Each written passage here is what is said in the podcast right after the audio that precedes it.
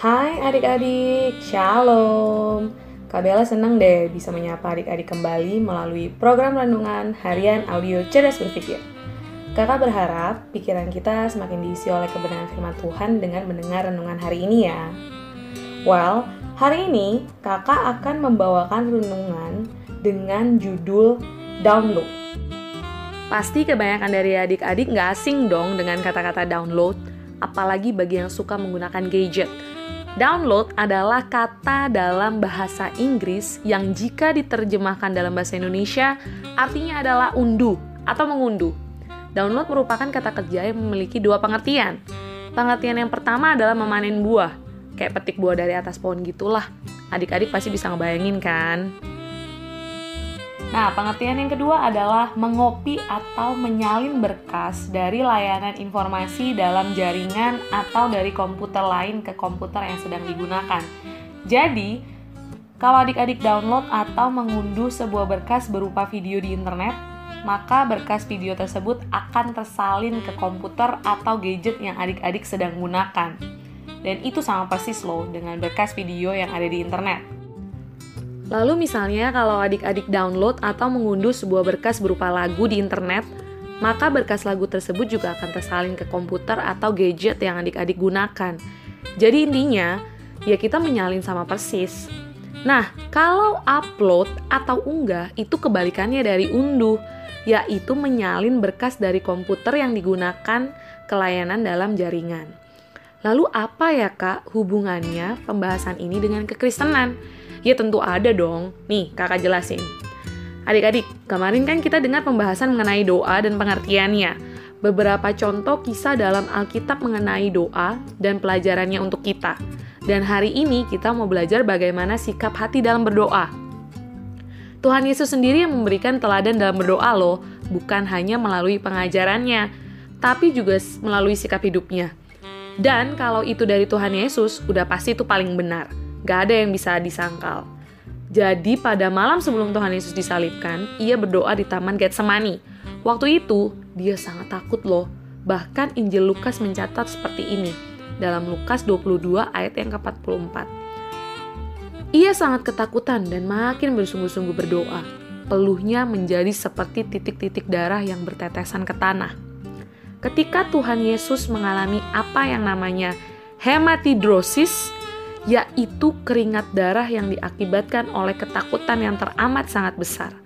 Namun, di dalam keadaan yang sampai seperti itu, Tuhan Yesus berdoa seperti ini dalam Matius 26 ayat yang ke-39.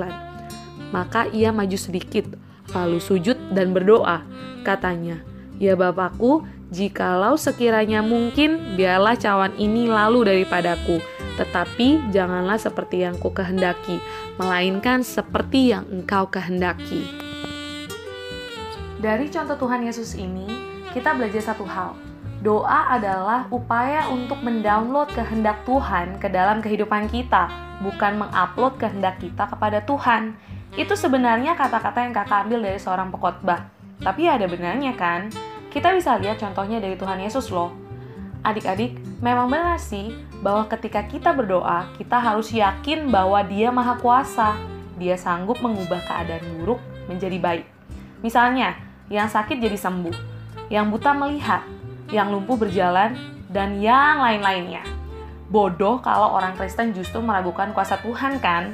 Tapi perlu kita ingat nih, hanya karena kita yakin bahwa Tuhan itu maha kuasa, bukan berarti segala doa kita akan dikabulkannya loh.